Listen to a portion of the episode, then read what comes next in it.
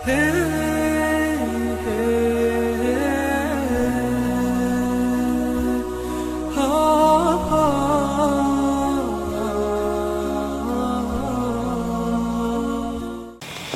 الطالبين لله تعالى.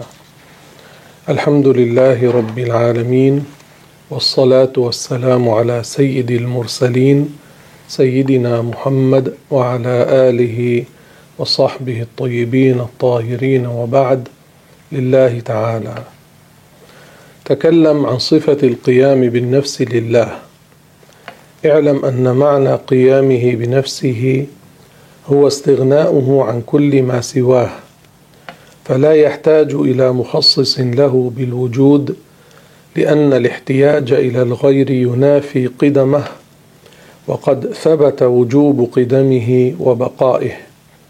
الله سبحانه وتعالى موجود لا ابتداء لوجوده ولا انتهاء لوجوده.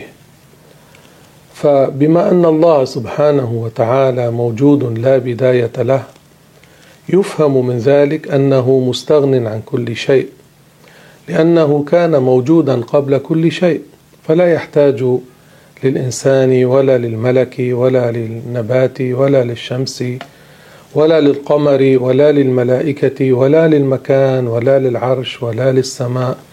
الله تعالى غني عن العالمين. تكلم عن صفة المخالفة للحوادث لله. يجب لله تعالى أن يكون مخالفا للحوادث بمعنى أنه لا يشبه شيئا من خلقه فليس هو بجوهر يشغل حيزا ولا عرض. الجوهر ما له قيام بذاته. والجوهر الفرد هو أصغر الأحجام أصغر الأجرام. هذه الأجسام تنقسم تقبل القسمة إلى حد أن تصل إلى ما يسميه العلماء الجوهر الفرد وهو الجزء الذي لا يتجزأ. فهذا الجسم مركب. الله سبحانه وتعالى هو خالق الأجسام فإذا ليس جسما. لذلك قال الإمام الشافعي المجسم كافر كما روى ذلك عنه الحافظ السيوطي في الأشباه والنظائر. وقال الإمام أحمد رضي الله عنه وعن الإمام الشافعي من قال الله جسم لا كالأجسام كفر. يعني لو قال لا كالأجسام لا ينفعه لأنه أثبت الجسمية لله. فانتبهوا من قال إن الله جالس على العرش أو قال قاعد أو مستقر أو يحاذي العرش أو قال الله يسكن السماء هذا جعل الله جسما جعل الله جوهرا جعل الله حجما. والإمام الطحاوي رضي الله عنه يقول عن الله سبحانه وتعالى تعالى عن الحدود والغايات والأركان والأعضاء والأدوات لا تحويه الجهات الست كسائر المبتدعات. قال عن الله تعالى يعني تنزه عن الحدود والغايات. الله منزه عن أن يكون له كمية المحدود ما له كمية الذرة محدودة والعرش محدود والسماء محدودة والنور محدود والظلام محدود أي كل له كمية. الله الذي خلق ذلك لا يجوز أن تكون له كمية فإذا هو موجود بلا جهة ولا مكان. ولا يقال قاعد على العرش ولا مستقر ولا يقال يحاذي العرش أو ولا يقال موجود في مكان فوق العرش. كل هذا لا يليق في حق الله. الله موجود قديم أزلي لا ابتداء لوجوده ليس حجما بالمرة. لا هو حجم صغير ولا هو حجم كبير. فهو مستغن عن المكان عن العرش عن السماوات عن الفضاء عن الخلاء عن الملاء عن النور عن الظلام. سبحانه وتعالى. فليس هو بجوهر يشغل حيزا ولا عرض. العرض هو صفة الجوهر. الأعراض التي يذكرها العلماء هي نحو أربعين. اللون والشكل والهيئة والصورة والحلاوة والمرارة والعفوصة والحركة والسكون. هذه كلها تسمى أعراضا. الله خلق الأجرام خلق الحادثات خلق الأجسام اللطيفة والكثيفة وجعل لها أعراضا جعل لها صفات هو ليس مثلها وصفاته ليست كصفات خلقه. والعرض ما لا يقوم بنفسه وإنما يقوم بغيره كالحركة والسكون والاجتماع والافتراق والألوان والطعوم والروائح. ولذلك قال الإمام أبو حنيفة وهو من السلف الصالح في رسائله في علم الكلام أن يشبه الخالق مخلوقه معناه لا يصح عقلا ولا نقلا أن يشبه الخالق مخلوقه. وقال أبو سليمان الخطابي إن الذي يجب علينا وعلى كل مسلم أن يعلمه أن ربنا ليس بذي صورة ولا هيئة. فإن الصورة تقتضي الكيفية وهي عن الله وعن صفاته منفية. يعني الله لا يقال له صورة كما تقول المجسمة المشبهة. الرسول لما قال عليه الصلاة والسلام إذا ضرب أحدكم أخاه فليجتنب الوجه فإن الله خلق آدم على صورته أي خلق آدم على صورة المضروب هذه الهيئة هيئة الآدميين. ليس معناه أن الله له صورة كما صار يقول المجسمة. قال الله سبحانه وتعالى من أسمائه المصور كما جاء في القرآن والحديث. المصور معناه خالق الصور فكيف يقال عن الله له صورة؟ أو يقال عن الله شخص والعياذ بالله كما تقول المشبهة المجسمة. رواه عنه البيهقي في الأسماء والصفات. اذكر قول الطحاوي في تنزيه الله عن مشابهة خلقه وعن المكان وفي أي قرن كان. قال أبو جعفر الطحاوي وهو الإمام السلفي المشهور أحمد بن سلامة توفي سنة ثلاثمائة وإحدى وعشرين. أدرك سنوات من القرن الرابع من القرن الثالث وأدرك سنوات من القرن الرابع فهو من السلف الصالح. قال ومن وصف الله بمعنى من معاني البشر فقد كفر. يعني من يصف الله بصفة من صفات المخلوقين بصفة من صفات البشر فهذا كافر. وهو من أهل القرن الثالث فهو داخل في حديث خير القرون قرني ثم الذين يلونهم ثم الذين يلونهم. رواه الترمذي. والقرن المراد به مئة سنة كما قال ذلك الحافظ أبو القاسم بن عساكر في كتابه تبيين كذب المفتري الذي ألفه في التنويه أي في رفع ذكر في التنويه بأبي الحسن الأشعري رضي الله عنه الذي هو إمام أهل السنة والجماعة هو والإمام أبو منصور الماتوريدي رحمهما الله ورضي عنهما. وجزاهما عن المسلمين خير الجزاء. وهذه الجملة احفظوها وحفظوها الصغار والكبار. ومن وصف الله بمعان من معاني البشر فقد كفر. يعني الذي يصف الله بصفة من صفات الإنسان فهذا كافر. وصفات البشر كثيرة. الطول والعرض والشكل والحجم واللون والذوق والانفعال والحركة والسكون والقعود والجلوس والاستقرار والنزول الحقيقي والصعود كل هذا من صفات البشر. والكلام الذي هو حرف وصوت ولغة ومبتدأ ومختتم ويدخله اللحن هذا من صفات البشر لا يجوز على خالق البشر. مهما تصورت ببالك فالله بخلاف ذلك. ما الدليل على أن صفات الله كلها كاملة؟ صفات الله تعالى كلها كاملة. قال تعالى ولله الأسماء الحسنى. أي لله الأسماء التي تدل على الكمال. تدل على أن الله لا يجوز عليه النقص. قال تعالى فادعوه بها. فادعوه بأسمائه الحسنى التي هي تدل على الصفات. أسماء الله سبحانه وتعالى صفاته ما عدا. لفظ الجلالة الله. فهذا علم للذات المقدس الواجب الوجود. فادعوه بها. ليس كما يقول بعض جهله العوام يقولون الله ويقولون الرزاق. بدل الرزاق بدل الله.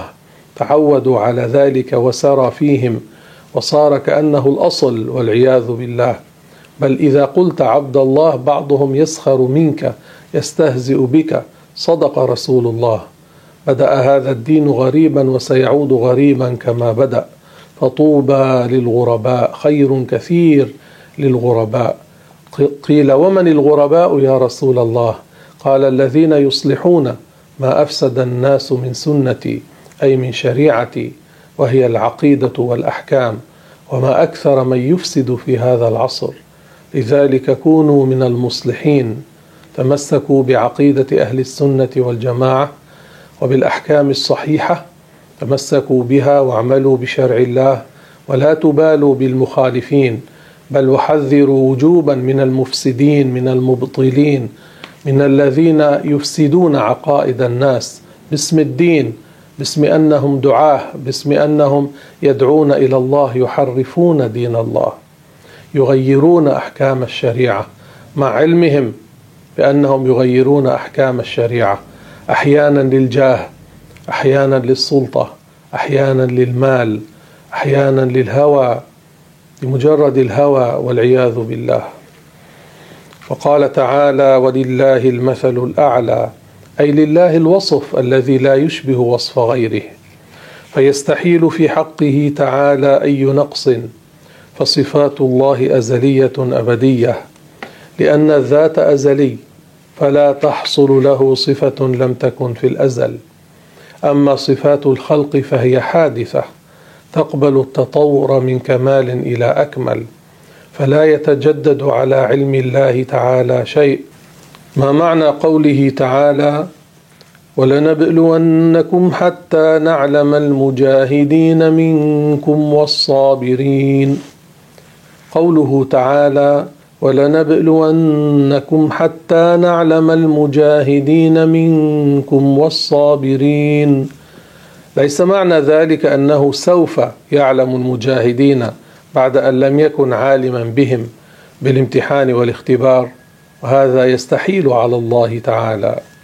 بل معنى الآية حتى نميز أي حتى نظهر للعباد المجاهدين منكم والصابرين من غيرهم؟ ويكفر من يقول إن الله تعالى يكتسب علما جديدا. لماذا؟ لأنه جعل الله متغيرا. جعل الله متغيرا والمتغير حادث والحادث مخلوق والمخلوق لا يكون إلها. ما معنى الآية؟ ومكروا ومكر الله والله خير الماكرين. قوله تعالى ومكروا ومكر الله والله خير الماكرين. المكر من الخلق خبث وخداع لإيصال الضرر إلى الغير باستعمال حيلة. وأما من الله تعالى فهو مجازاه الماكرين بالعقوبة من حيث لا يدرون. وبعبارة أخرى إن الله أقوى في إيصال الضرر إلى الماكرين من كل ماكر. جزاء لهم على مكرهم. فالمكر بمعنى الاحتيال مستحيل على الله. يعني لا يقال يا ماكر ارحمني. ومكروا ومكر الله. الكفار عملوا مكرا خبثا وخداعا لإيصال الضرر إلى المسلمين بطريقة خفية. ومكر الله أي عاقبهم على مكرهم. والله خير الماكرين أقوى في إيصال الضرر من الماكرين إلى الماكرين من حيث لا يشعرون من مكرهم الذي مكروه. وكذلك قوله تعالى الله يستهزئ بهم أي يجازيهم على استهزائهم ماذا قال العلماء في إطلاق الوجه واليد والعين والرضا والغضب في القرآن على الله تعالى؟ ليس معناه أن الله له جارحه أو جزء أو عضو؟ ليس معناه أن الله ينفعل؟ ليس معناه أن الله يتغير. الله ليس كمثله شيء. العلماء يقولون نؤمن بإثبات ما ورد في القرآن والحديث الصحيح كالوجه واليد والعين والرضا والغضب وغيره على أنها صفات يعلمها الله لا على أنها جوارح وانفعالات كأيدينا ووجوهنا وعيوننا وغضبنا. فإن الجوارح مستحيلة على الله لقوله تعالى ليس كمثله شيء وقوله ولم يكن له كفوا أحد أي ليس لله مثيل ليس لله نظير قالوا أي العلماء لو كان لله عين بمعنى الجارحة والجسم لكان له أمثال لو كان له عين بمعنى الجارحه والجسم لكان له أمثال فضلا عن مثل واحد ولجاز عليه ما يجوز على المحدثات من الموت والفناء والتغير والتطور. ولكان ذلك خروجا من مقتضى البرهان العقلي على استحالة التغير والتحول من حال إلى حال على الله. فاذا كل ما ورد في القرآن مما ظاهره وكذلك في الحديث الصحيح مما ظاهره يوهم معنى لا يليق بالله فذلك الظاهر المتوهم ليس المقصود لأن الله لا يوصف بأوصاف المخلوقين. لذلك قال الإمام الطحاوي رضي الله عنه في عقيدته العقيدة الطحاوية التي تدرس في الشرق والغرب قال عن الله سبحانه وتعالى تعالى عن الحدود والغايات أي النهايات والأركان أي الجوانب. تعالى عن الحدود والغايات والأركان والأعضاء والأدوات. الأعضاء الأجزاء الكبيرة كاليد الجارحة والرأس والرجل الجارحة هذا لا يجوز على الله. والأدوات الأجزاء الصغيرة كاللسان واللهات والأسنان والأضراس. الله سبحانه وتعالى منزه عن ذلك. فلا يقال الله له رجل بمعنى الجارحة ويد بمعنى الجارحة. مثلا يد الله فوق أيديهم معناه عهد الله ثبت عليهم الذين بايعوا الرسول صلى الله عليه وسلم. بل يداه مبسوطتان ليس معناه الله له أن الله له جارحتين. هذا لا يجوز على الله. ليس معناه أن الله له جارحة. هذا لا يجوز على الله. تبارك وتعالى بل معناه الله واسع الكرم. هذا معنى بل يداه مبسوطتان في الرد على اليهود. قالت اليهود يد الله مغلولة كانوا يقولون الله فقير والعياذ بالله غلت أيديهم ولعنوا بما قالوا بل يداه مبسوطتان معناه الله واسع الكرم سبحانه وتعالى. هللوا صلوا على الرسول صلى الله عليه وسلم واستغفروا للمؤمنين والمؤمنات.